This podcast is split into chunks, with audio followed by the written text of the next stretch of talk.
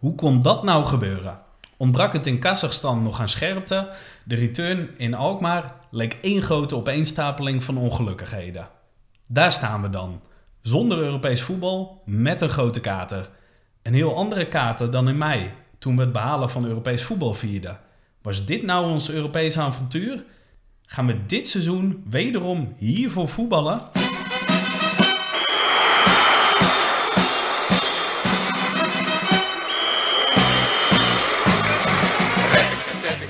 Ja, Michael, zitten we dan? Mhm. We hadden ook in eh, de trein naar Tsjechië kunnen zitten nu. Had gekund, ja. We waren, we waren heel dichtbij. In ieder geval qua, qua voorbereidingen.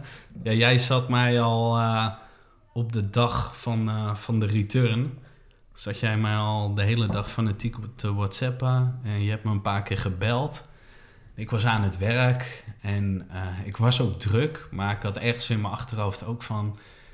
Ja, eh, gaan we nou serieus eh, al dingen boeken terwijl we een eh, achterstand van 2-0 moeten wegwerken in een thuiswedstrijd?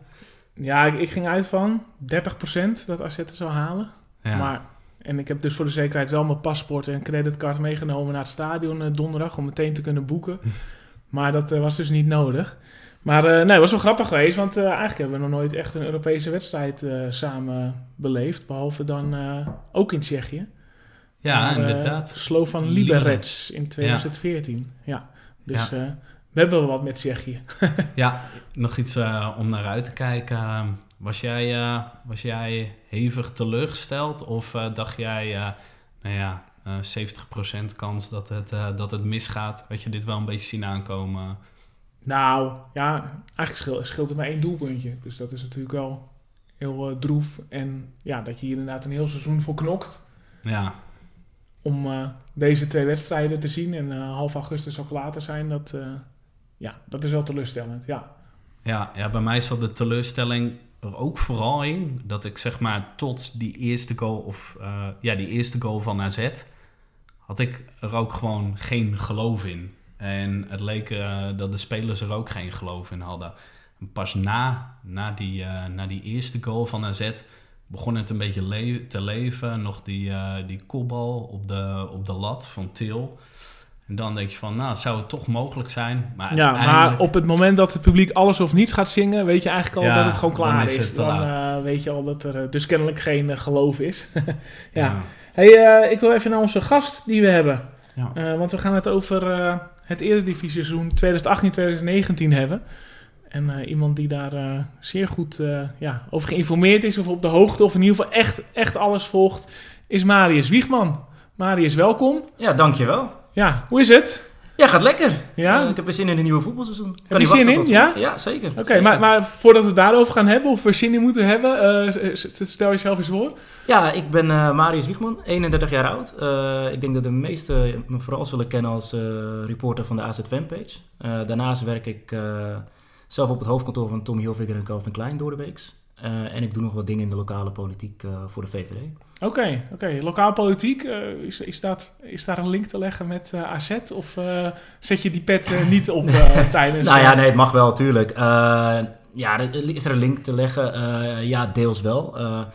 Als je bijvoorbeeld kijkt naar de introductie van het, eh, van het echte bier, eh, de herintroductie van het schenken van echt bier, eh, wat is dat twee jaar geleden, drie jaar geleden denk ik. Ja? Dat is een motie geweest, toevallig ja, van de VVD, waar ik zelf van ben dan. Maar ja, zo zijn er meerdere dingen. schermen regelen op de pleinen, daar toestemming voor geven, of moties indienen. Eh, dat soort dingen wel, ja, zeker. Oh ja. Maar je, je bent, want je bent niet raadslid, je bent geloof ik eh, fractie eh eh, ik- ondersteunend. Ja, ik doe nu eh, dingen in de campagne. Eh, ik was de afgelopen uh, gemeenteraadsverkiezingen als campagnemanager. En ook verkiesbaar op plek 8. Dus ik ben nu eerste reserve. Mocht er iemand uitvallen in de gemeenteraad, dan ben ik de eerste die, uh, die uh, aan zal schuiven. Dus dan word ik misschien alsnog raadslid. Dus Oké. wie weet. Ja, ja. Je had er ook geen geheim van gemaakt tijdens de campagne dat je, dat je de reporter van de AZ Fanpage was. Want ik heb wel een paar keer zien langskomen van, uh, nou, misschien kennen jullie mij van de AZ Fanpage. Dacht je echt van, nou ja, dat, dat is misschien een manier om, uh, om uh, de Alkmaarse bevolking aan te spreken? Nou ja, wat het heel vaak is met lokale verkiezingen, is dat, dat het, de mensen zijn heel vaak onbekend. De standpunten zijn heel vaak onbekend. De partijen, namen zeggen mensen niet zo heel veel. Behalve als ze een associatie hebben met iets. En dat kan zijn uh, de lokale voetbalvereniging, of in dit geval AZ, of de hockeyclub. Of... Nou, in dit geval was het AZ. En dat was toch wel een beetje mijn uh, ja, unique selling point. Dat klinkt net alsof ik een AZ'er zou voor gebruiken. Maar ik ben ook gewoon echt AZ'er. Uh, vanaf mijn twaalfde heb ik een seizoenskaart. Uh, heb ik in de zomervakantie altijd gewerkt om een seizoenskaart te kopen.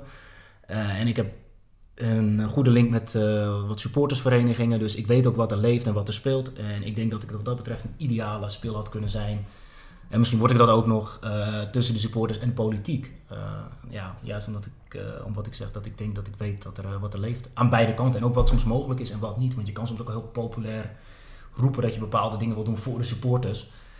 Maar als je al weet van tevoren dat dat niet kan, zoals bijvoorbeeld heel veel mensen willen een huldiging op het Waagplein. Dat zie je heel vaak dan in de reacties. Ja, ik weet dat dat qua capaciteit en veiligheidstechnisch gewoon niet mogelijk is. Dus ja, dat zal niet ik, meer mogelijk. Niet meer mogelijk. Het kon ooit wel. Exact, exact. Maar we kunnen wel een biertje drinken met NAC-supporters uh, zondag. Ja, kijk, dat zijn mooie dingen. Kijk, als je daar... Ik weet niet of de politiek daarbij betrokken is geweest, hoor. Dus dat zal ik niet... Uh, maar als de politiek daar een steentje aan bij zou kunnen dragen... en ik had dat kunnen doen, ja, dan zou ik dat zeker gedaan hebben, weet je. Dat, dat vind ik mooie dingen en ik vind dat dat ook veel losser moet. Ik bedoel...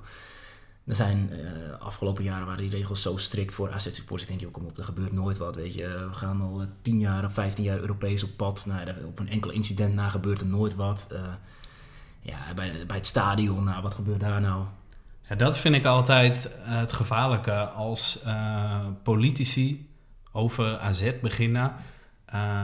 onwetendheid. Ja. Ik, ik, moet eerlijk zeggen, ik heb niet op VVD gestemd. Maar ik vind een hele goede ontwikkeling als uh, supporters dicht bij uh, de politici staan die erover beslissen.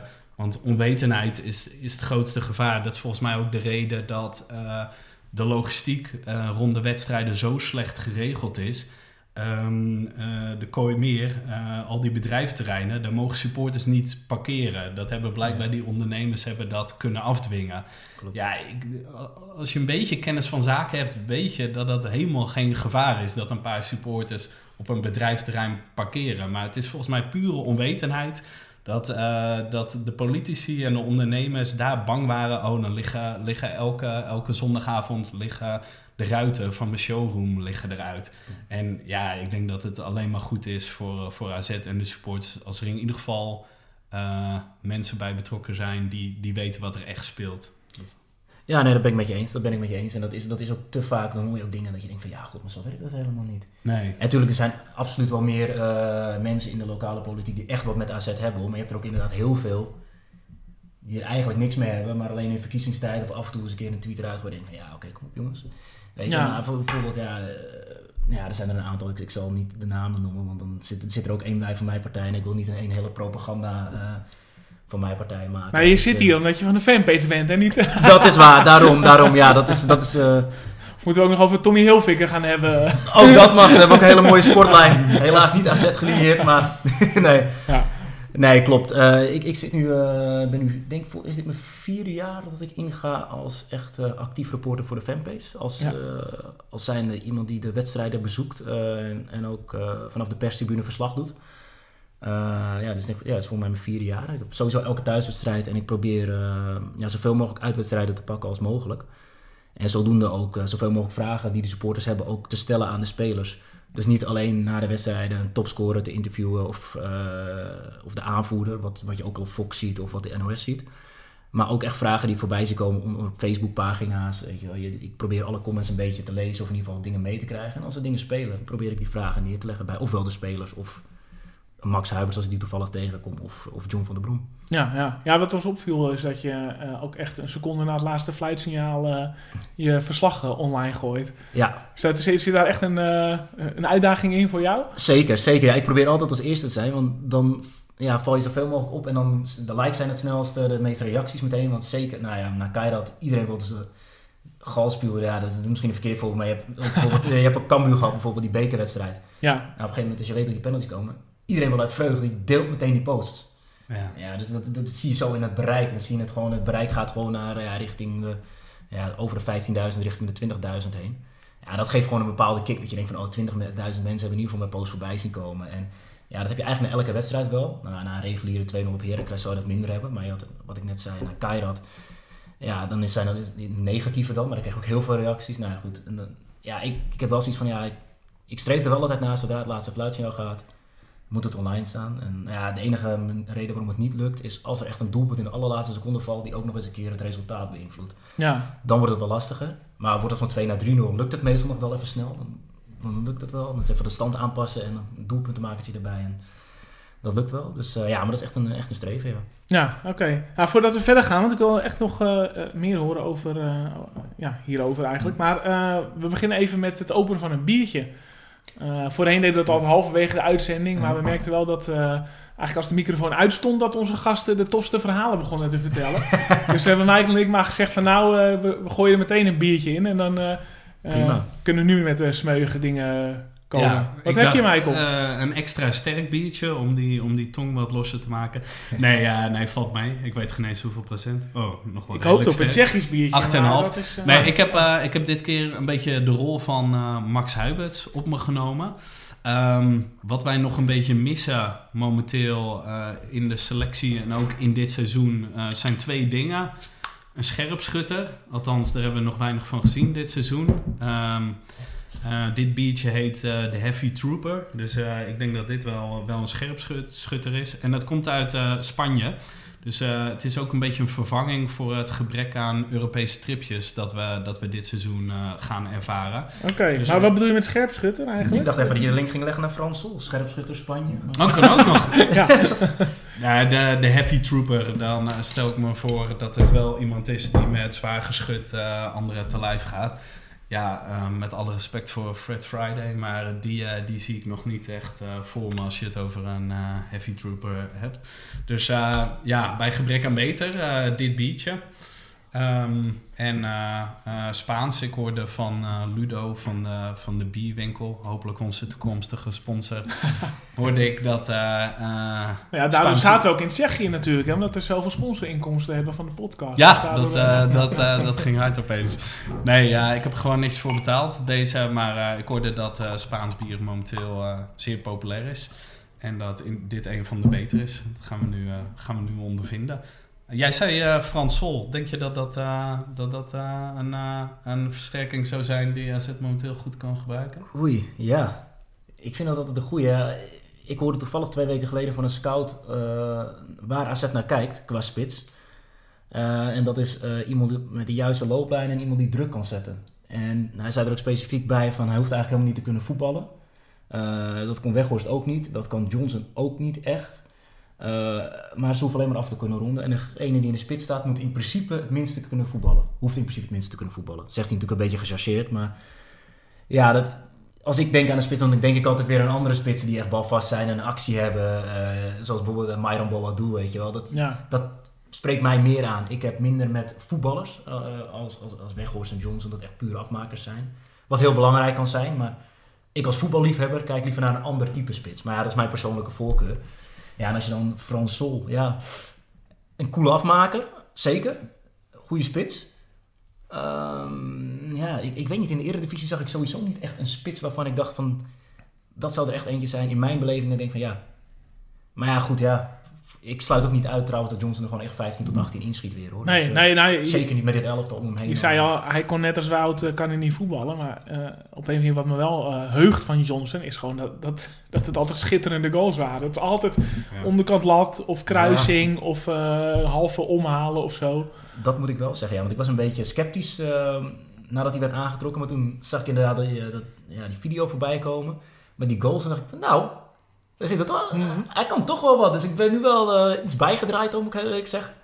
Maar goed, weet je, ik, ik heb ook zoiets van, hey, die jongens verdienen gewoon een kans. En het zal een prima gozer zijn, keihard werken. En als hij zijn goaltjes maakt, joh, dan, dan, maakt het mij ook niet uit hoor. Ik bedoel, uh, dan kan ik net zo goed genieten van Idrissi en, en Mitchell kan ik ook van genieten. Dat is ook niet de meest sierlijke voetballer die drie panna's uitdeelt en vijf man uitspeelt op het middenveld. Dus het, het, ja, het, het, hangt er net een beetje vanaf. Maar voor een spits ben ik altijd meer van de type Boadou of Jansen, wat ik ook wel leuk vond. Een beetje sleuren. Uh, ja. Dus maar ja, goed, we gaan het zien. Ik bedoel... Uh...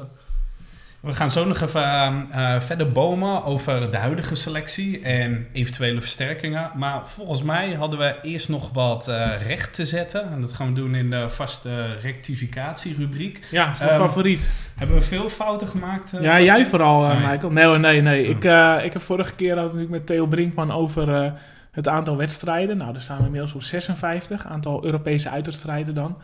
En wie er het meest heeft bezocht. Eh, en ik noemde eh, nou, Erwin Walbeek en eh, Jeroen Heemskerk, die er in mijn ogen twee of drie gemist hadden. Maar ja, ik ben meteen terecht gewezen door, door Erwin zelf. Hij zegt, ja, ik sta op min 5. Dus dat betekent dat hij in Kazachstan zijn 51ste eh, meemaakte. Ja, min 5 bedoel je dus eigenlijk Vijf dat gemiste hij... wedstrijden. Ja, vijf gemiste wedstrijden. Ja, en ehm, nou, dat eh, heeft ook inmiddels eh, aardig in de media gestaan. Dan hebben we nog een belangrijke speler in dit ranglijstje, is Herman Korthout. Die staat op min 6.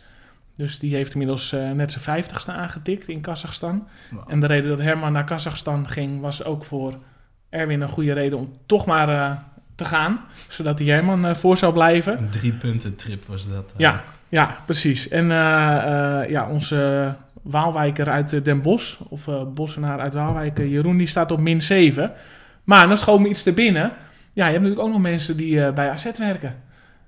En Mhm. die ja, gaan soms wel naar iedere wedstrijd. En er is er eentje die in ieder geval sinds 2004 werkt. Volgens mij kwam hij in 2002 of 2003, is Rob Koning. Dus die heb ik even vanmiddag gebeld. En meestal waren ge- telefoongesprekken tussen ons wat eh, minder vriendelijk, maar eh, nu ging het er goed aan toe. Eh, ik zeg, Rob, eh, hoeveel wedstrijden heb jij nou eigenlijk gehad? Nou, hij wist het niet precies. Dus hij moest even een lijstje hebben. Maar hij heeft er vier gemist sinds 2004. En ik kan me niet bedenken dat iemand anders... eh, dus Rob staat op 52 eh, wedstrijden.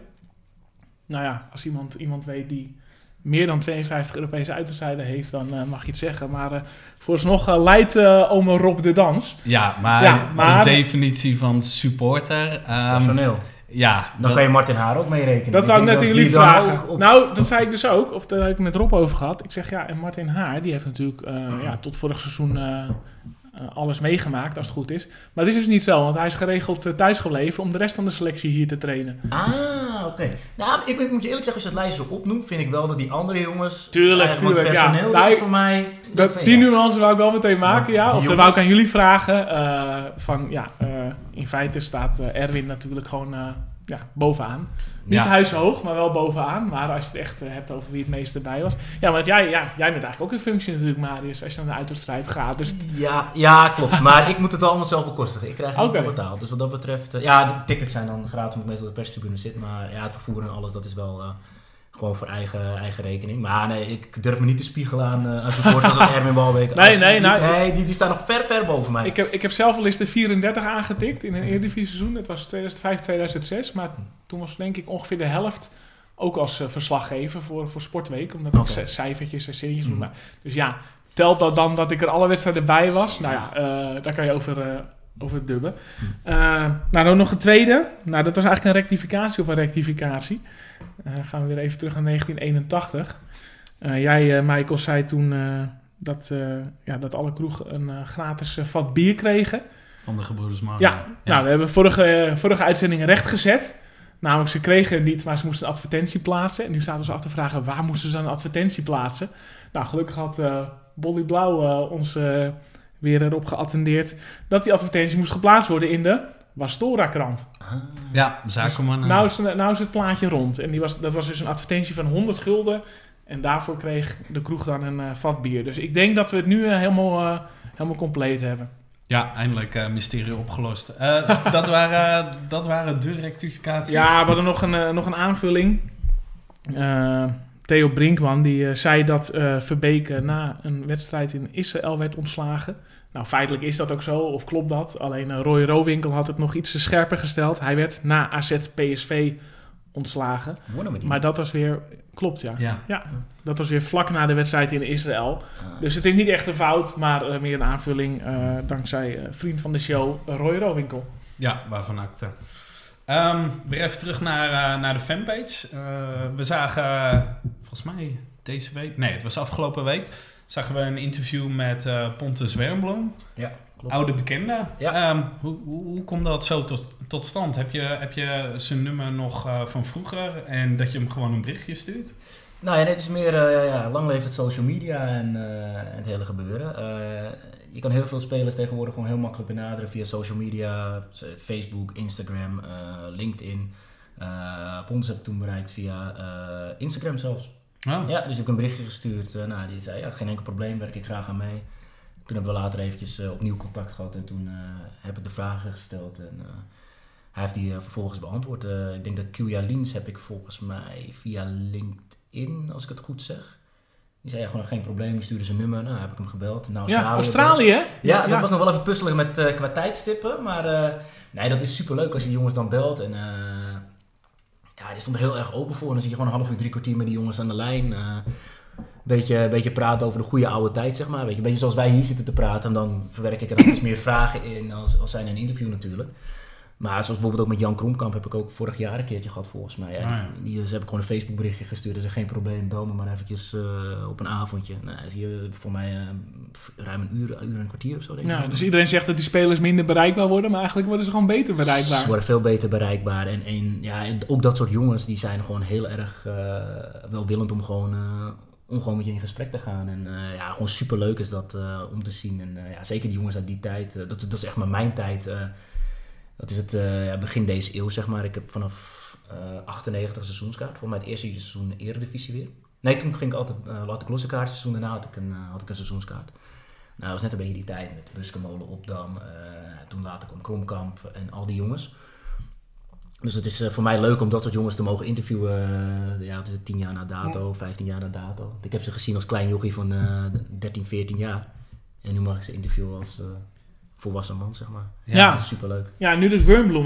Wat, me opviel was, ja, het is een beetje een stokpaardje van mij, maar ik eh, refereer altijd graag naar 2012. Van ja, AZ stond toen in april gewoon de eerste. En heel veel Ja. mensen hebben daar niet meer over. We hebben toen natuurlijk kwartfinale gehaald en eerste. En, en natuurlijk het feit dat eigenlijk in de winter Wormbloem wegging. En Ja. nu las ik het van, hey, we hebben het kampioenschap misschien wel gemist omdat jij wegging. Ik, ja, eh, nu lees ik het terug. Ja, vond ik wel eh, grappig om, eh, om terug te zien, ja. Nou, dat is ook nog wat ik net aangaf. Wat ik bijvoorbeeld met die interviews doe, dat ik vragen van supporters wil eh, behandelen. Dat was in dit geval ook zo. Heel vaak, of nou heel vaak, ik zag een aantal keer die vraag terugkomen van, of die opmerking gemaakt worden van, joh, we hebben het kampioenschap daar verspeeld omdat we Wermboek verkocht hebben.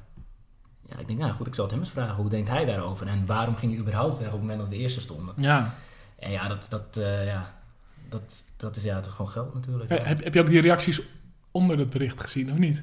Eh, ja, heel veel zeiden meteen van, eh, ja, terughalen, terughalen. Maar dan denk ik, dan hebben ze de laatste vraag denk ik niet Ja, ja, ja, want- dat, daar wou ik naartoe, ja. Ja. ja. Hij zegt verdorie in het artikel, zegt hij, ja, Gaat hij niet doen. ik ga niet terug naar Alkmaar nu, dat Nee. zit er gewoon niet in. nee. En en drie- driekwart van de reacties was, ja, AZ moet ze nu terughalen, Max zit te slapen. Ja, het Ja, le- lees dat verhaal dan. Ja, ja, af en toe wil ik er even reageren, maar denk ja, dat moet je ook gewoon niet doen. Weet je, ik bedoel, ik zit daar ook met.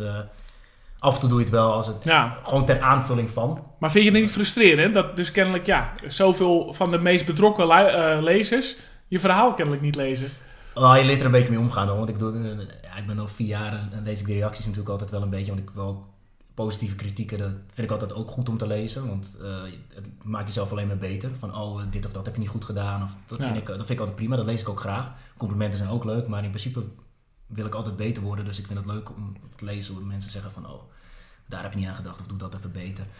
Eh, maar ja, goed, weet je, er zitten ook al- altijd reacties tussen. Af en toe kan ik me niet inhouden, maar dan stel ik altijd op persoonlijke titel reageer ik even onder. Maar ook in de politiek en eh, ja, ook met de fanpage, je leert er op een gegeven moment, weet je, dan leer het negeren. Maar Ja. jij bent dan nog eh, verslaggever, Mhm. eigenlijk eh, op de achtergrond. Ehm, die, die kritieken online, of in ieder geval de reacties, concentreren zich meestal op de spelers. Mhm. Nu sta jij na de wedstrijd ook in de catacombe om eh, spelers te interviewen. Mhm. Ehm, heb jij het idee dat die iets meekrijgen van die reacties? Refereren ze daar wel eens eh, aan naar jou toe? Eh, weinig. Ik hoor af en toe wel wat geluiden op het moment dat bijvoorbeeld de voetbalprimeur het overneemt. Ehm, dan zeggen ze wel van, oh ik las het op voetbalprimeur. Of, eh, maar in principe, ehm, ik krijg weinig eh, feedback daarover. Dus in ieder geval niet negatief in ieder geval. Dus, eh, ik moet eerlijk zeggen, ik ja, zit soms wel een beetje, ehm, hoe noem je dat, eh, te facepalmen o- op een moment dat je reacties leest onder een bericht van medesupporters. hmm. Dat ik echt denk, nou ook bijvoorbeeld na afgelopen donderdag, ja, ik was ook teleurgesteld. Maar om dan weer eh, te roepen van we moeten ons geld terugkrijgen en zo. Ja, dan, dan schaam je je bijna een beetje voor reacties van medesupporters. En dan denk ik soms wel eens, nou je zal het al spelen, maar, eh, maar lezen. eh, je hebt net je debuut gemaakt voor AZ en dit is de tendens. Ja, ja, internet is wat dat betreft natuurlijk lekker laagdrempelig. En misschien doen wij wel hetzelfde in deze podcast.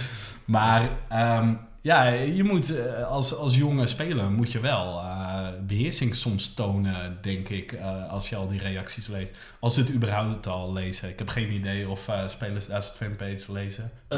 Ze volgen het sowieso wel op social media, zeker op Instagram. Zeker de jongere jongens. Hm. Die, die volgen dat en die volgen ons ook alle, volgen ons account ook echt. Ehm, of de spelers het op Facebook ook volgen, waar ook het interviews te lezen zijn, een deel wel. Maar ik moet ook zeggen, ik, ik kijk ook niet elke keer de likes te- door wie, eh, wie er heeft geliked of, eh, of wie ons eh, volgt. Ontvriend door Svensson. Gelukkig nog niet. Nee, maar af en toe zie je het, weet je. Of dan zie je als je toevallig, als ik ze zelf als vriend heb op Facebook, dan zie je soms als like staan van, oh, die en die liked de, Ja. de post. Maar zeker op Instagram volgen ze ons wel. En ehm, ja, en ik denk ook op Facebook wel, maar ik, niet, alle, niet alle 25. Dat, die Nee, nee. illusie heb ik niet. Nee, zeker niet. Je hebt trouwens je Spaanse biertje mag in je glas, hè? Voor, eh, Nee, ik drink wel uit de die, flesje. die heeft, joh. de heeft, de de stagiair voor je neergezet. dus, eh, ja. Nou, ik zal me voor de vorm. Maar je, je zei net van ja, het is heel gaaf om na een eh AZ Cambuur heel snel online te zetten, omdat iedereen het deelt en het bereik dan zo groot is. Is, is. is dat ook voor jou de kick of focus je ook op, ja, in hoeverre focus je op bezoekcijfers of zeg van nou, ik vind het eigenlijk toffer als ik een primeur weet te scoren? Ehm, beide. Eh, Ik ben in principe zo iemand, als ik iets doe, wil ik het goed doen of zo goed mogelijk doen. En het op tijd plaatsen van een artikel of van een wedstrijdverslag is daar één onderdeel van, voor mij. Eh, ja, en ik heb zoiets van, ja, dat moet ook gewoon kunnen. Als ik zie hoe snel voetbalprimeur en voetbalzone of eh, VI het plaatsen, dat is meestal een paar minuutjes na de, na de wedstrijd. Ik probeer dat altijd sneller te doen. Ja, Of ja, het moet wel inhoudelijk natuurlijk wel goed zijn. Het moet niet zo dat het vol staat met spelfouten of dat soort dingen. Er zal altijd wel eentje in staan misschien. Maar ja, ik probeer dat altijd zo goed mogelijk te doen. Maar qua, echt qua bezoekers aan. Dat geeft je een kick af en toe. Maar het is niet zo dat ik een doelstelling heb van Nee. oh, ik moet elke, elke week eh, minimaal 10.000 mensen. maar, maar, maar wat beschouw je als eh, een hoogtepunt eigenlijk in je fanpage carrière? Kijk, is iets dat je meteen eh, te binnen schiet? Oeh.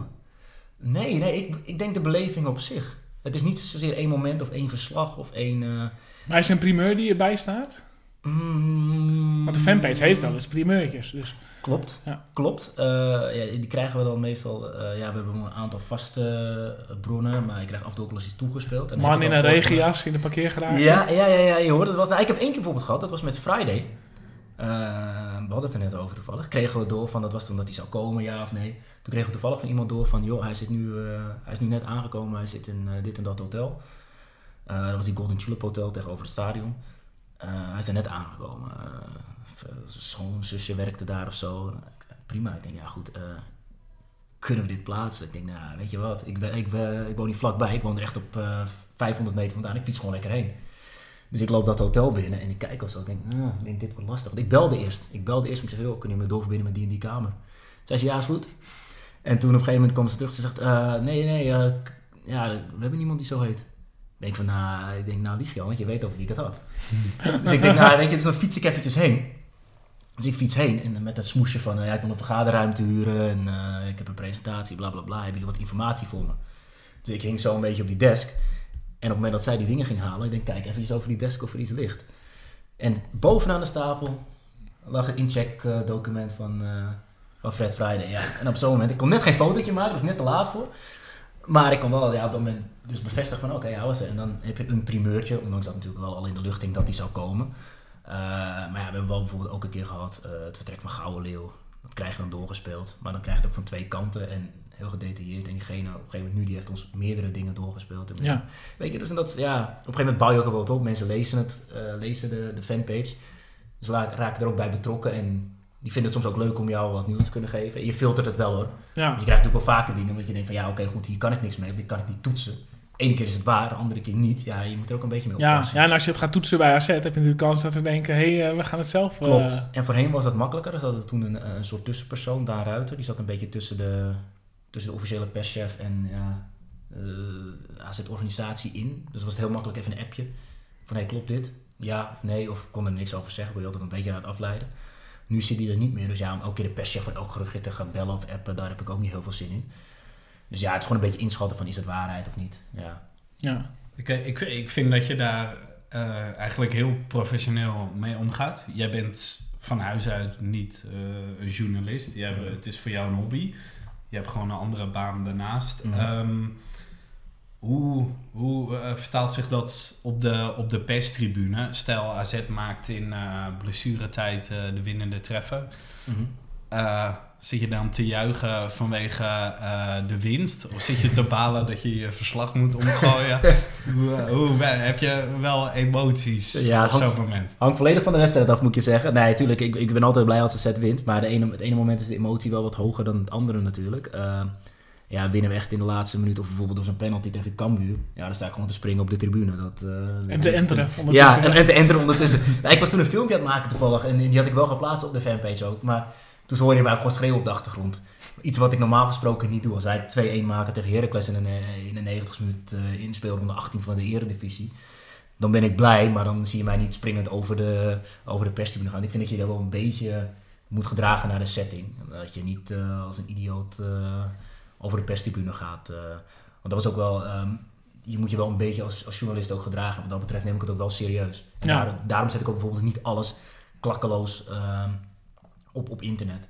Maar ik maak er ook wel eens een afweging in. Ik heb ook wel eens spelers gehad die... ehm, ja, dat kan ik nu wel zeggen, nu is hij toch weg. Eh Ricciano Haps bijvoorbeeld. Die, ging toen, ehm, die kwam toen een keertje op de bank te zitten. Hij raakte toen geblesseerd tegen Vitesse. Dat was zijn eerste seizoen dat hij vaste linksback zou worden. Na het vertrek Ja. van Paulsen. Toen hadden ze ook Brasancic gehaald. Hap speelde toen de eerste paar wedstrijden en hij raakte toen geblesseerd op een gegeven moment een paar weken, twee of drie weken of zo. Toen kwam Brasancic erin, die scoorde toen tegen de Graafschap en de wedstrijd daarna was Haps fit. Die speelde niet, Brasancic speelde. Toen had Haps iets op Facebook gezegd, eh, ja, een bepaalde reactie, een bepaalde uiting dat hij ervan baalde of zo. Maar toen wist ik de opstelling nog niet voor die, eh, voor die dag daarna. Dus ik zeg, joh, wat is er nou aan de hand?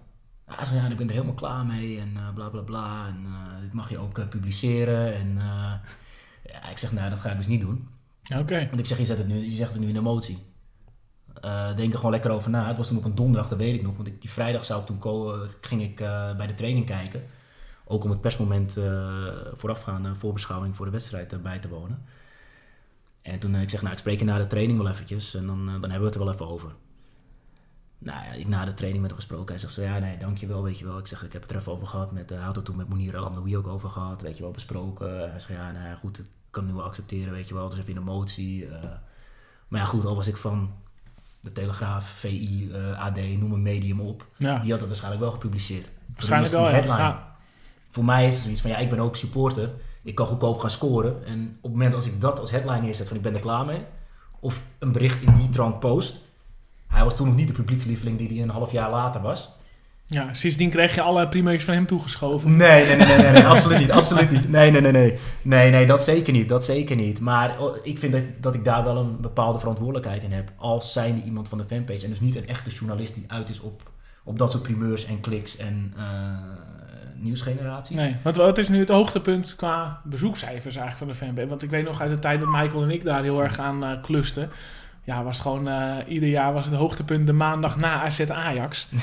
maar nu zijn er natuurlijk wel wat meer hoogtepunten te noemen eh, in een seizoen. Ja, klopt. Ehm, ik denk als je kijkt naar echt... ehm. Is dat rond bekerfinales of zo? Of eh rond Kan ook, kwartfinales? dan moet ik je heel eerlijk zeggen dat ik de laatste twee bekerfinales echt als supporter bezocht heb. Dus toen was ik zelf al niet nuchter meer. En toen heb ik het verslag ook niet gedaan. Dat heeft Martijn toen gedaan. Ehm, want die wilde ik gewoon echt als, als fan eh, meemaken. Dat, gewoon lekker, dat is gewoon een beleving. Dat is gewoon een dag lekker de stad in om 11 uur de trein pakken en lekker een dag door Rotterdam banjeren. Ehm, ik denk in mijn beleving, ik denk de halve finale tegen Cambuur dat dat qua bereik wel een van de posts was die het meeste bereik heeft gehad. Denk ik wel. Maar ja, als je nu al ziet, eh, toen ik begon, hadden we denk ik krap 4000 volgers op Facebook. En we zitten nu op ruim 9,5, we lopen richting de 10.000. Ja, En dat heeft ook puur te maken met meer content post je. Bent bij de wedstrijden, je, door de week post je dingen. Zeker nu in de transferperiode. Dus ja, je, je bent meer zichtbaar. En op een gegeven moment natuurlijk ook Facebook wordt groter. Want ik bedoel, nu over vier, vijf jaar geleden. Meer mensen interesseren zich ervoor, worden bekender. Dat helpt ook mee natuurlijk. Dus eh, ja, maar ik denk dat, dat Cambuur thuis, denk ik, wel ongeveer de meeste, meeste bereik had. oké. oké. Hey, ik, ik, ik wil het even hebben over, eh, over afgelopen zondag. Ik weet niet of jullie gekeken hebben. Zomergasten. Nee, ja? Ik heb Louis. gekeken, ja. Hoe vonden jullie? Ja, ik, ik zat al eh, na, eh, wat was het? 20 seconden te schreeuwen naar de tv. eh. nou, was de intro. Zat je weer te facepalmen, eh, Michael? Ja, ja, was de intro. Louis Vergaal werd uh, geïntroduceerd door de presentatrice. En zijn, um, zijn uh, hoogtepunten in zijn carrière werden opgezomd. Uh, ja, uh, wat was het? Champions League met een club of zo, ik weet niet meer. En op een gegeven moment, AZ werd niet genoemd. En Van Gaal heeft volgens mij in meerdere, meerdere interviews heeft hij aangegeven dat hij het meest trots is op het kampioenschap met AZ. Ja, hij heeft zelfs tegen mij gezegd in, uh, in zijn afscheidsinterview, uh, zei Louis, dat, dat, dat hij dat deed uit rancune, rancune richting Ajax. Maar dat ja, ja, en ja. nou ja... Ik, maar jij baalde dus dat AZ uh, niet echt aan bod kwam. Ja, da, dat, ja ik, ik, ik vond dat jammer. Als hij zelf heeft aangegeven dat dat voor hem iets is waar hij heel trots op is... Uh, ja, AZ kwam er nogal uh, bekijkt vanaf. Ja, ik, ik heb geklokt. Na anderhalf uur werd uh, heel even in een bijzinnetje El Hamdawi genoemd door Van Gaal. Als zijnde een speler die ja, wat extra, zeg dat, ruimte, privileges kreeg. Omdat El Hamdawi altijd levert, namelijk oh, ja. doelpunten. Ja. En dat er maar weinig van dat soort spelers zijn die bij Van Gaal een, een, voorrechtje krijgen. Ja. En op een gegeven moment, dat vond ik wel grappig, dat de redactie van het programma had uh, Greta Steinsson gevraagd. Nou, ja. ja. wat is Van Gaal nou voor type? Dus het uh, kwam uiteindelijk wel een beetje aan bod, maar ja, het miste natuurlijk wel een beetje. En het was sowieso erg ongemakkelijk allemaal. Ja, ik, we hebben het vorige uitzending ook al over gehad, over het gesprek met Van Gaal namens de AZ Fanpage. Toen wij eigenlijk op het matje werden geroepen. En ook hierin had hij soms toch wel weer een rol van de schoolmeester. Ja, ook, maar ik, had, ik had juist het idee dat hij er een beetje ging zitten van... ik ga nu de openhartige, amabele man zijn. En dat hij totaal geen raad wist met uh, uh, de presentatrice, die meestal wel goed is, weet je wel. Met Eberhard ja, van der Laan was die wel goed. Op, ja. Maar uh, hij probeerde heel aardig te zijn. Van, oh, ik ga nu mijn andere kant laten zien, waar ik ook een beetje moe van word. Want dat heb ik al heel vaak gezien bij hem. En, en zij, uh, uh, ja, zij liet alle kansen liggen. Ze was, totaal niet, ze, ze, was totaal niet op de hoogte van, ja, sowieso over voetbal niet en ook over Van Gaal niet. Dus uh, ja, zij, zij, je zag bij haar echt paniek in de ogen omdat ze de regie wilde vasthouden. Maar dat lukte ook weer niet, want Van Gaal die wilde graag die bepaalde wanneer er wat aan bod kwam. Dus het was allemaal niet... En ik heb niks nieuws geleerd eigenlijk. Nee. Nee. Dat, dat viel mij ook tegen, dat moet ik eerlijk zeggen. Ik keek er wel naar uit. Ik had ook niet verwacht dat het echt heel ruim over voetbal zou gaan. Uh, maar ik had wel iets meer verwacht inderdaad. Ja, ja. Uh, ik betrapte hem trouwens wel echt op een, op een grote fout, Louis. Of eigenlijk op twee. Maar eentje was... Hij zei op een gegeven moment over zijn periode bij Manchester... had hij drie wedstrijden achter elkaar verloren. Toen kwam hij uh, een befaamde persconferentie die ze Mhm. lieten zien. hij zei... Dat is nog nooit eerder gebeurd, drie keer achter elkaar verliezen. Alleen bij Barcelona. Ik heb Dus ik- nog een seizoen. Dus ik ging... Ja, ja jij Ik weet niet hoeveel dat er achter Dus elkaar waren. Ik ging eens eventjes eh 2007, 2008 checken.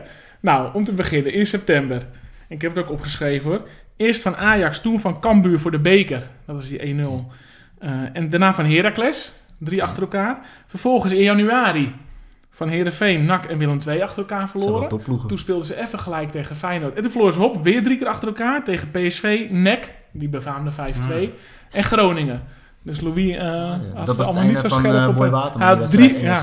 Hij had Ja. drie van die hele mooie series eh, bij AZ neergezet.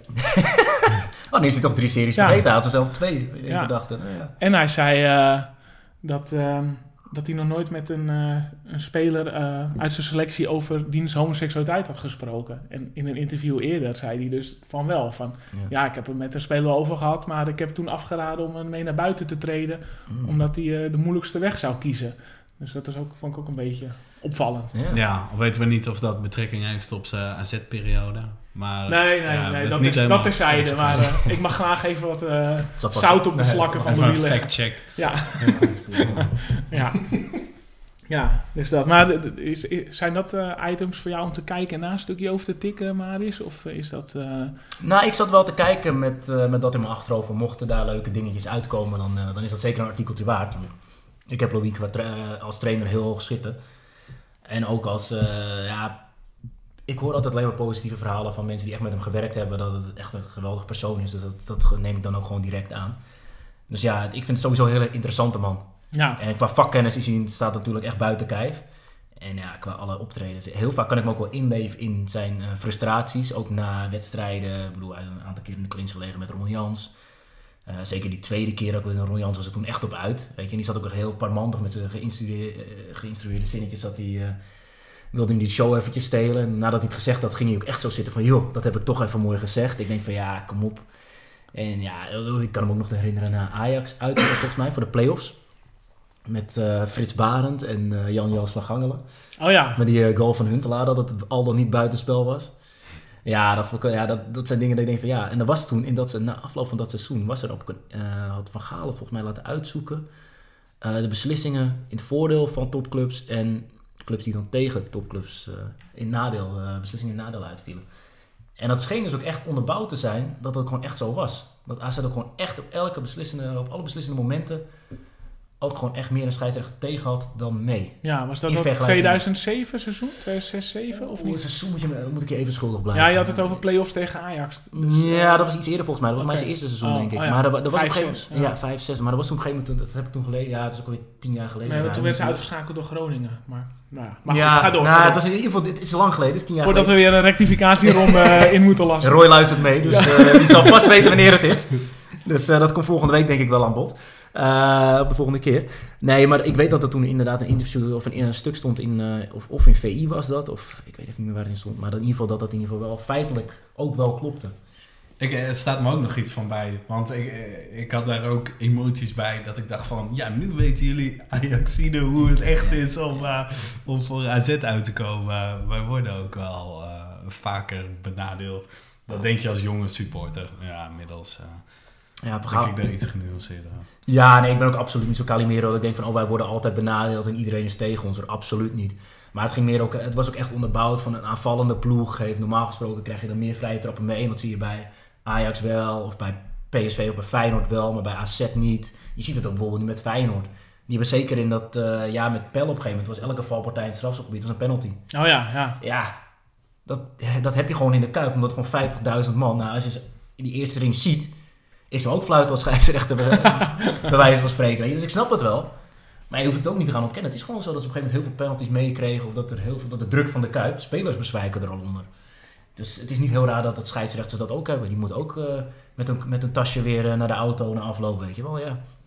Ik denk, eh, als het 1-1 staat en er is een, een duwpartij, trekpartij in de 90ste minuut en de tegenstander zou een strafschop moeten krijgen, dat een scheids wel iets langer nadenkt dan in het omgekeerde geval. Ja, Ja, ja. Ze zijn ook van, mensen, van? Gaal heeft dus kunnen onderbouwen. Hè? Dus, ja dus eh, dat was ook echt ja, onderbouwd met feiten en ook situaties en, eh, en de manier van spelen, et cetera. Ja.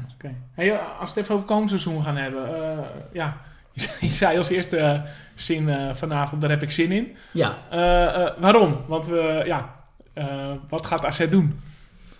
ik denk dat ze een goede kans hebben om, om weer derde of vierde te worden. Zeker, daar, daar ben ik van overtuigd. Ook zeker met dit achterhoofd dat eh, de top drie, en daar ga ik even vanuit dat Feyenoord zich weet te kwalificeren voor de, voor de groepsfase Europa League, dat die zeker punten laten liggen. Want die zijn wel heel erg afhankelijk van, van twee of drie spelers. En je ziet ze nu al sukkelen met blessures. En dan is voor Persie, vol- nou, voor Persie is er dan volgens mij donderdag, eh, morgen niet bij. Maar ja, dat is ook een speler waar je natuurlijk niet 34 wedstrijden op kan bouwen. Nou, Berghuis dan in principe wel. Maar ja, wie heb je nog meer? Jurgensen is ook al een jaar aan het kwakkelen. En dat zijn de drie die het toch moeten gaan doen voor ze. Ja, en als ze daar regelmatig één of twee van ontbreken, dan, dan zijn die te pakken. En ik ben ook redelijk positief over AZ in die zin dat er wel weer heel wat jongens terugkomen. Als je naar Kairat, naar die bank keek, ja, ontbraken er gewoon heel veel spelers. Je had, je had geen Vijinovic, je had geen Stenks, je had geen eh, Johnson, die kwam nog terug. Eh Rotario ontbrak de eerste wedstrijd, die is nog niet wedstrijdfit, die komt er ook weer aan. Ehm Seuntjes was geblesseerd. Eh mis ik er dan nog een paar? Ja, Buitens. Weigold komt er nog aan. Nou, die moet ik eerlijk zeggen, die laatste heb ik niet heel veel zien spelen. Maar ik verwacht wel dat hij echt kan aansluiten bij de eerste selectie. Nee, wa- wa- want in hoeverre eh, ja, heb, je, heb je de voorbereiding gevolgd? Dat, eh, Uh, niet heel veel, moet ik heel eerlijk zeggen. Uh, zeker de oefenwedstrijden buiten, buiten Nederland niet. En tegen amateurclubs, ja, die kijk ik niet zo heel erg. Tenzij ze echt in de buurt zijn, dan ga ik wel eventjes heen. Maar uh, ja, goed, sowieso zegt die oefencampagne me niet zo heel veel. nee. Maar goed, je hebt natuurlijk al de wedstrijd tegen Kairat gezien. Eh, je bent wel mild, moet ik zeggen, na Ja. eh, vergelijking Ik was met... ervan eh, geschrokken hoor, eerlijk gezegd. Want Nou, op een gegeven moment Deels. in de tweede helft weet je van, nou, het gaat gewoon niet meer lukken. Dan sta je er even iets anders in van, hopelijk worden we vermaakt en krijgen we een positief gevoel naar het begin van de competitie toe. Maar dat is eerlijk gezegd niet echt eh, veroorzaakt bij mij. mm. En ik zag ook niet heel veel aanknopingspunten dat ik dacht van we gaan een heel leuk seizoen tegemoet. Wat jij zegt van veel kwaliteit op de bank, komen nog veel spelers aan, Mm. revaliderend. Dat, dat geloof ik, maar eh, ik ben eerlijk gezegd wel een beetje geschrokken hoor, van afgelopen donderdag. Ehm, het was ook gewoon niet leuk om naar te kijken. En als ik dan ook nog Max Huiberts hoor, die gaat zeggen, nou, hadden, weet ik het, 65% balbezit. Ja, als dat soort quotes worden aangehaald, dan word ik altijd een beetje huiverig. Want dat, dat voorspelt nooit zo heel veel goed. Ehm, ja, ik, ik maak me wel een beetje zorgen. Als ik heel eerlijk ben. Wat, wat heb jij gezien in die wedstrijden wat, wat jouw hoop biedt? Nou, dan moet ik zeggen dat balbezit eh, vind ik ook echt een, een non-argument. Want dat, eh, dat, dat liet Kairat ook gewoon toe. Want die stonden met zijn, eh, met zijn elf op eigen helft. Dus dat is niet zo heel moeilijk. Eh nou, ik moet je heel eerlijk zeggen, kijk, ik ben vooral geschrokken van die wedstrijd daar. En dan moet ik vooral zeggen na de 2-0. Want toen was het echt helemaal klaar. Normaal gesproken verwacht je, het staat 2-0. Een team gaat aandringen. Maar het was helemaal klaar. Ja. De ze daarvoor nog echt, echt kansen kregen. Dat je denkt van, nou ja, Nou ja, eh, Wouter die, eh, die, die heng, hengst er vaak naast. ja. Maar die had er nu wel één of twee gemaakt. Dat denk ik ook. Ja, nou, maar dat, dat is het ook. Kijk, de eerste helft tegen Kairat was zeker niet hoogstaand. Laat dat, laat dat duidelijk zijn. Maar het was nog wel redelijk, om het zo maar te zeggen. Alleen elke lange bal, ze peerden die bal drie of vier keer naar voren. En drie keer was het ook echt gevaarlijk, waarvan één goal in die eerste helft daar. En op een gegeven moment, na, vlak na rustval, die 2-0, toen was het helemaal klaar met het, met het, met het spel van AZ. Toen kreeg ze ook geen kansje meer bijna, volgens mij. Dat, dat baarde mij wel echt zorgen, dat er niemand opstond eh om, om de kaart te trekken. Nee, waar is de nood het hoogst? Want Max die zegt dus, Max Huiberts, wij mogen Max zeggen, Mhm. eh, we gaan niemand meer aantrekken. Vind ik Dus- sowieso een rare opmerking. Dus waar, waar denk jij dat de nood het hoogst is? Ehm, dan ben ik geneigd aanvallend te zeggen. Alleen daar is nu natuurlijk Rotario voor gehaald en Johnson. Maar ik denk dat, ja, ik hoor nu Tanane, of in hoeverre dat waar is, geen idee. Eh, dat zou in principe nog kunnen, maar ik denk dat je met, eh, met Idrissi, Johnson, eh, Rotario, Boadu, die zijn allemaal nu in ieder geval speelklaar. En dan heb je Stenks. Ik weet niet hoe lang het nog duurt voordat die wedstrijd fit is. Zal in ieder geval een week of vijf, zes duren, minimaal. Maar goed, daar heeft AZ beter zicht in dan ik. Maar als je die vijf voorin hebt, denk ik dat je in ieder geval redelijk voorzien bent. Zeker als Tanane erbij komt. Eh, het middenveld heeft wel weinig creativiteit, in mijn eh, beleving. Ja, dan moeten we natuurlijk meteen eh, aan Adam Maher gaan denken. Maar ja, als Max zegt, er komt niemand bij. Ja, maar die heb ik eerder gehoord. En, en zeker ook met, met het oog op spelers die meetrainen. El Hamdoui in zijn eerste periode die meetrainen. Zou ook niets van komen na twee maanden later tekenen die. Vlaar, idem. Eh, en je weet zelf, als niks zo veranderlijk als de voetballerij. Als dan nood eventjes het hoogst is. Als wij eh, zondag niet winnen van NAC. Wat ik overigens wel verwacht dat wij gewoon winnen. Maar als we niet winnen van NAC. Dan kan het zomaar zijn dat we maandag of dinsdag in één keer eh Adam Maher zien. Want we hebben heel veel getalenteerde middenvelders. Maar geen enkele die creatief is in de kleine ruimte. Maar maak jij je niet meer zorgen? Ja, tenminste, dat heb ik Defensief. een beetje. Ik, ik vind het centrum, ja, weet je. Nou ja, Hatsidiakos, ja, die valt echt een beetje door de mand.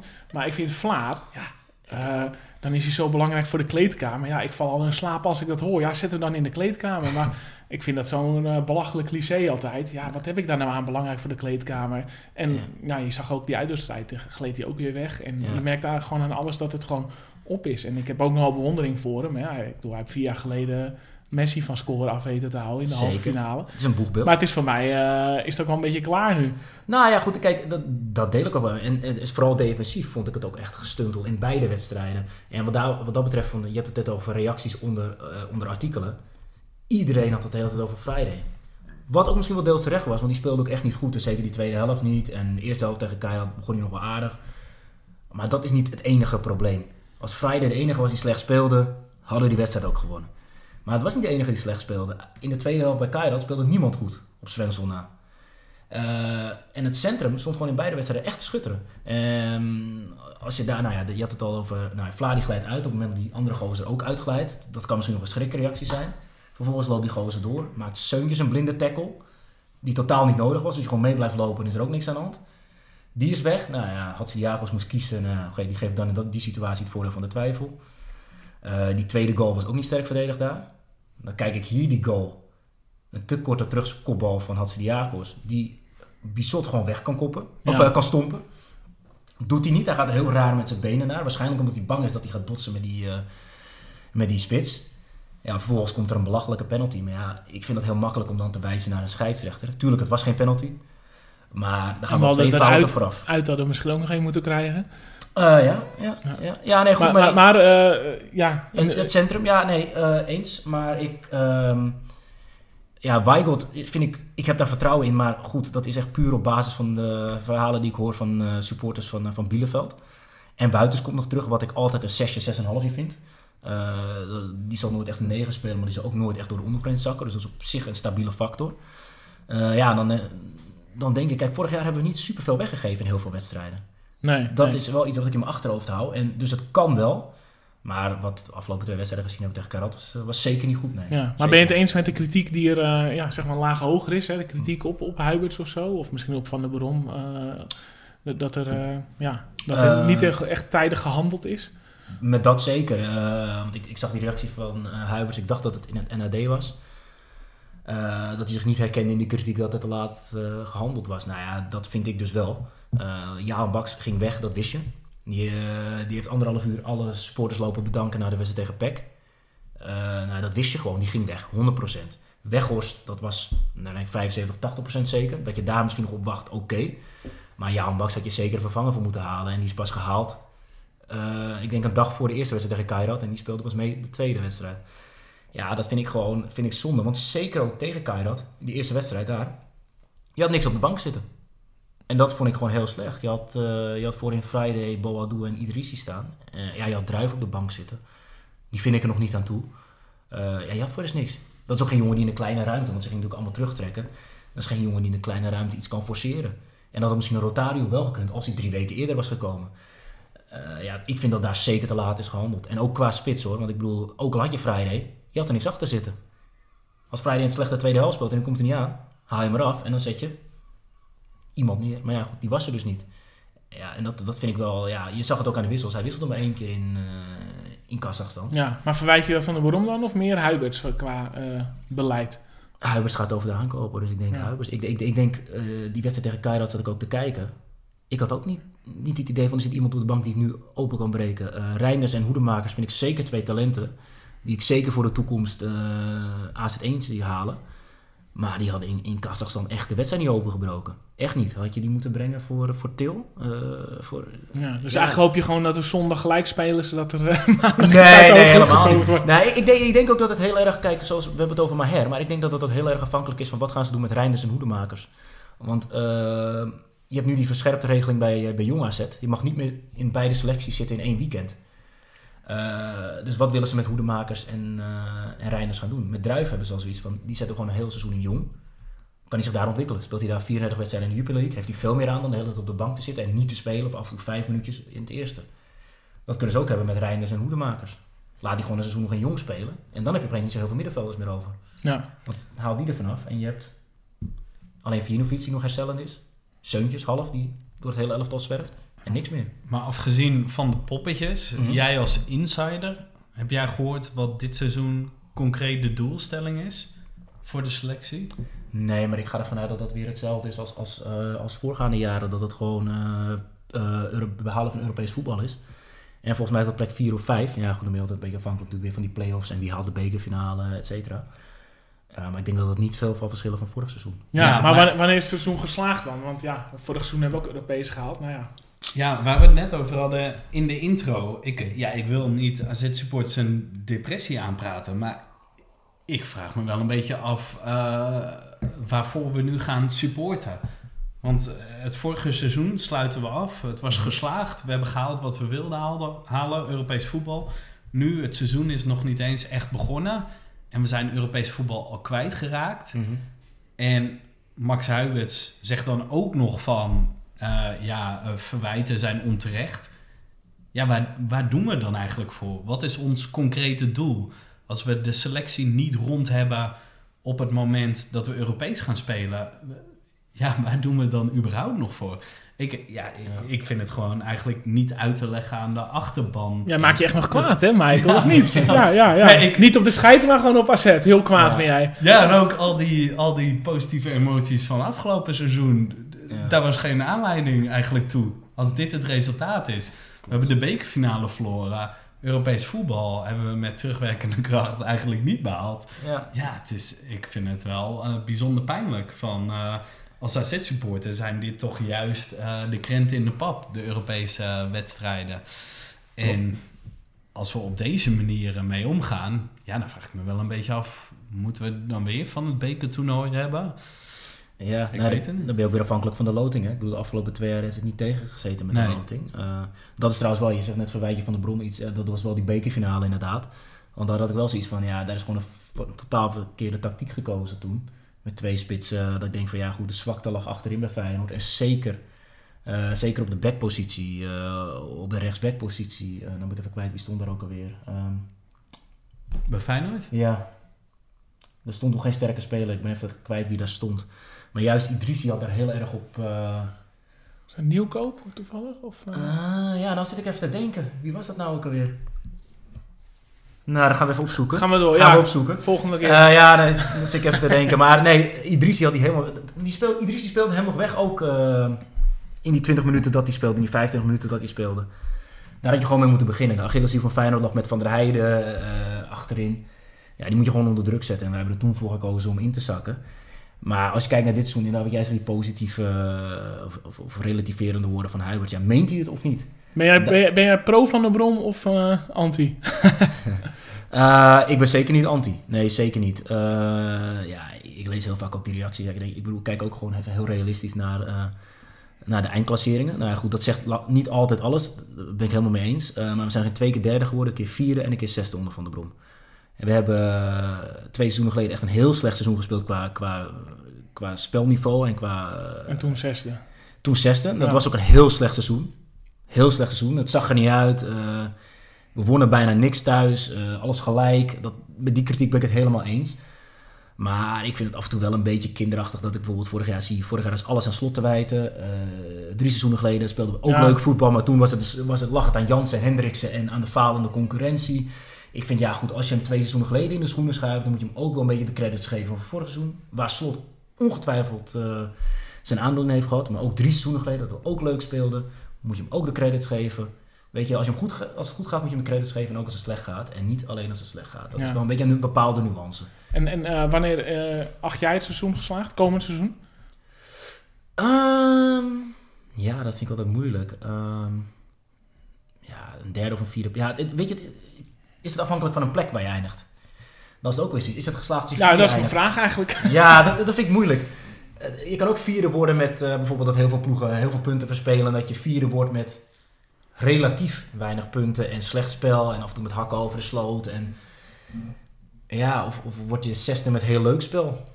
Ja, wat, wat- wanneer is het geslaagd? Of Ja, het nou, daar geslaagd worstelen we ook een beetje mee. Net als die bekerfinale. Ja, dat wordt ook een beetje een Ja, ik- repeterend geheel. Ik, ik vind dat je dat achteraf... ja, ik, ja, ik vind dat je dat achteraf een beetje kan, pas kan zeggen. Ja, Is het een geslaagd seizoen geweest? Ja, dat altijd afhankelijk van de omstandigheden ook.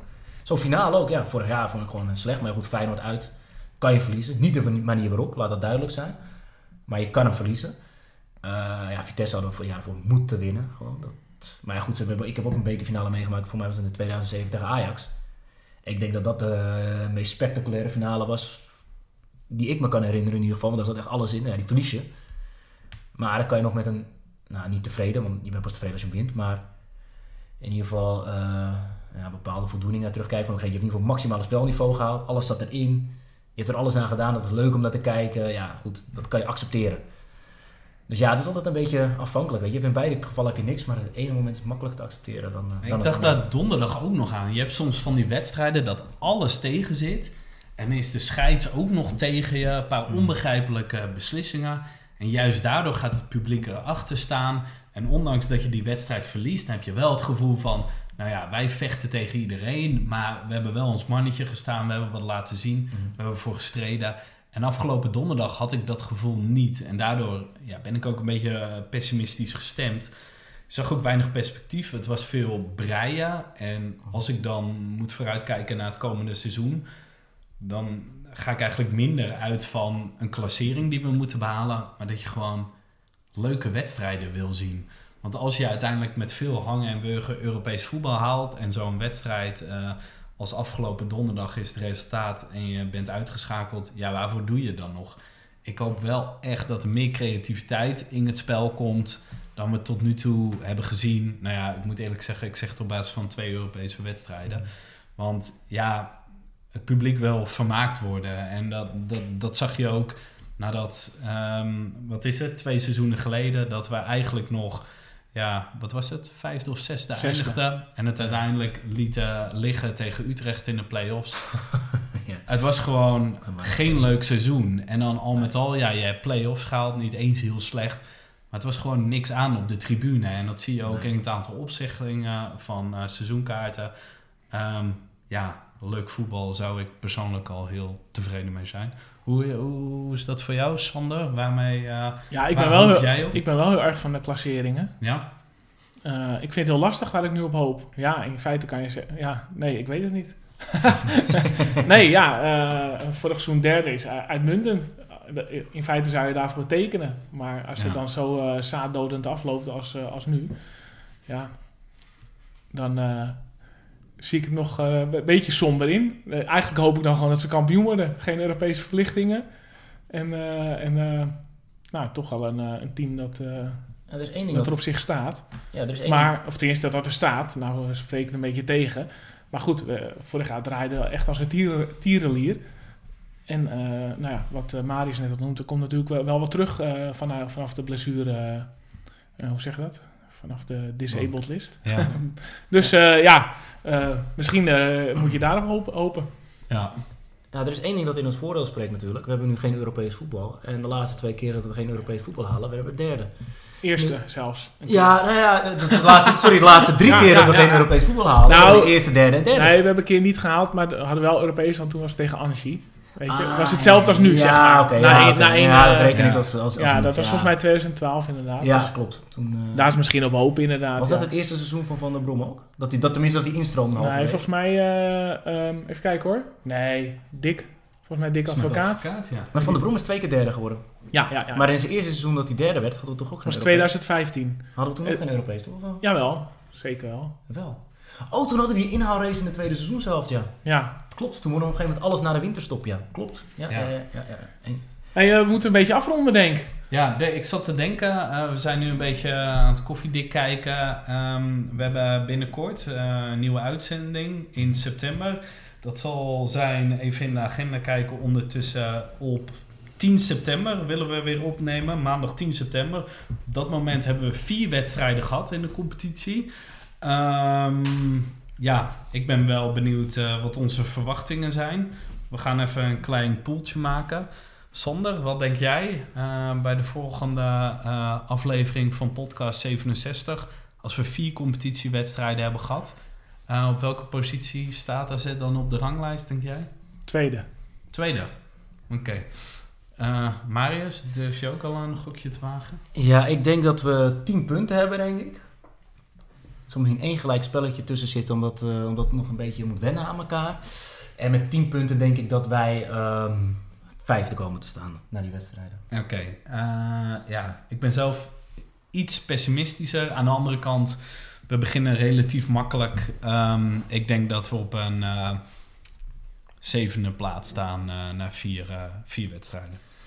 Mag ik nog even één ding toevoegen trouwens? Ik heb de rechtsback gevonden. Dat was Kevin Dix. Oh, oké. Ah, Oh, ja. dat Dat was het zwaktepunt. ja, ja. Het scheelt weer een moest- overlopende mailbox eh, ja, straks. dat wou ik zeggen. Ik moest, Roy, sorry, je hoeft niet te mailen. dus eh, nee, ik heb hem eventjes opgezocht, want ik moest er toch even achter komen. Maar het was inderdaad Kevin Dix. Ja, die werd toen in de laatste 20, 25 minuten helemaal overlopen door Idrissi. Ja. En ik vind het een, ja, echt een onbegrijpelijke beslissing dat je daar niet uh, Idrissi over gezegd in de eerste minuut. Handig hoor, Google. Ja, ja, ja, ja. Eh, luisteraars ook eh, even meedoen hè, met deze pool. Ja, ehm, het zou leuk zijn als jullie even laten weten eh, wat jullie voorspelling is. Dus voor de duidelijkheid, op welke plek staat AZ na vier competitiewedstrijden op de ranglijst? Eh, stuur het naar ons via Twitter, podcast67 met een Z in podcast. Uh, of mail het naar ons naar azpodcast67@gmail.com. En um, om het simpel te houden, in dat adres is AZ Podcast. Podcast is dan weer met een S. Dus azpodcast67.gmail.com. Um, we hebben nog geen sponsor, dus we hebben ook nog geen, uh, geen prijzen. Maar wij zorgen ervoor dat degene die het dichtst in de buurt is, um, qua inzending, dat die van ons een, leuk uh, presentje krijgt. Ehm, tegelijk kunnen we ook gelijk, ehm, ehm, als we toch met de administratie bezig zijn, kunnen we de laatste twee prijsvragen afhandelen. Want volgens mij hebben we twee winnaars. Ja, we hadden allereerst het boek eh, Het Gouden AZ weg te geven over de AZ in 1981. Of eigenlijk ook de jaren daarvoor en daarna. Want de vraag was toen, wat wordt de eerstvolgende tegenstander van AZ uit welk land? Nou, op dat moment twijfelde nog de vorige uitzending Andorra of Kazachstan. Het is Kazachstan geworden, dat betekent dat Joachim Scheurbuik het boek eh, overhandigd krijgt. En we hebben al een date met Joachim. Want we gaan eh, zondag eh, voor AZ bij het bord met de bestemmingen die je bij het stadion hebt staan, eh, gaan we hem het boek eh, overhandigen. Heel wrang, net nu we uitgeschakeld zijn. Ja, ja, maar goed, hij had het goed met Kazachstan, wat natuurlijk wel eh, bijzonder is. En we hadden nog het boek van Theo Brinkman over seizoen 2013-2014, waarin we ook de kwartfinale Europees haalden. De vraag was toen, hoeveel supporters waren er mee naar Krylia Sovjetov Samara? In 2005 was dat de eerste wedstrijd, de eerste Europese wedstrijd van Louis van Gaal. Ehm, daar was één supporter mee, Herman Korthout, al eerder genoemd. Ehm, en Ja. degene die dat goed had, als eerste, dat was Fabian Bijman. En hij nam de prijsvraag eh, destijds zo serieus dat hij eh, is meegevlogen naar eh, Samara om te checken of er echt één was. Want Fabian was, die zat toen op de perstribune. Ja, dus geen supporter. Die kan het weten. Ja. En Ehm, die telt niet, mee, die wedstrijd, hè? Voor een aantal uitwedstrijden. Die kan Fabian niet meetellen. nee, nee, nee, Fabi- Nee. nee. nee, maar Fabian, Dat is werk. die mag hierbij, die mag hem niet eh, in het lijstje zetten, nee. Eh, ja, verder nog, Michael. Ja, ehm, volgens mij eh, willen wij ook nog even de luisteraars bedanken. En vooral vorige keer hebben we, hebben we opgeroepen om een review achter te laten in je favoriete podcast-app. Ehm, daar is eigenlijk tot onze eigen verrassing is daar eh gehoor aan gegeven. We hebben in de podcast-app van Apple hebben we eh, al negen beoordelingen mogen binnenhalen. En alle negen eh, beoordelingen hebben een, ehm, een 5 sterren rating. Dus dank daarvoor. Zo zijn we weer wat meer zichtbaar. En ook sommige mensen hebben nog commentaren achtergelaten, achtergelaten. Zoals Eswin Kramer, die heeft gezegd... ook vanuit België wordt met plezier geluisterd. Nou ja, dat wordt hartstikke gewaardeerd. Vinden we leuk. We gaan internationaal. Inderdaad, we gaan toch nog een beetje Europa in. Dat is, eh, dat is wel fijn. O- Overigens is onze eh jongerenkern ook Europa ingegaan. Hè? Ik weet niet of jullie dat gezien hebben. Nee? Ja, die vonden dat kennelijk toch jammer dat we geen Europese trips hebben. Dus die waren vrijdag in Denemarken te vinden. Die hadden een knokpartijtje samen met Aalborg. Oh, ik zag een fotootje van 11 tegen 11 tegen Midtjylland. Maar is En- daar wel gewonnen? Gewonnen door de Aalborg en AZ. Dus eh, ja, ik, Kijk, lekker. ik weet niet eh, of... eh, ja. Gaan we door naar de volgende ronde? dan? ja, nou misschien is er nog een return. Oh ja, return is in het Heiloverbos. Maar ik weet niet of het goed is voor de, voor de Fairplay-prijs. Maar, eh, of de coëfficiëntenlijst. Nou ja, de, de technisch manager had het prima voor elkaar. Dus complimenten. voor- Weinig geblesseerden. Minder dan bij, eh, bij het huidige AZ, denk ik. En ehm, ja, we, we hebben al eh, de nodige luisteraars, maar we willen er ook op aandringen. Mocht je nou eh medische sports hebben die eh, nog niet naar podcast 67 luisteren, ehm attendeer ze vooral op. Leg even uit hoe je op je mobiel via een podcast-app je gemakkelijk abonneert of luistert desnoods via Soundcloud. Geen excuses. Ehm, in ieder geval voor nu weer bedankt voor het luisteren. Marius, hartstikke bedankt voor je komst. Leuk dat je was. Wie weet eh, zien we elkaar eh, binnenkort weer aan tafel. Eh Sander, leuk dat we weer, eh, weer samen waren. En we gaan, naar, eh, we gaan naar september toe. En ik ben heel benieuwd eh, op welke positie we dan staan. En jullie bedankt eh, voor de uitnodiging. Graag Leuk om hier te zijn. Top. Ehm, nou, tot de volgende keer. Ciao. Doei doei.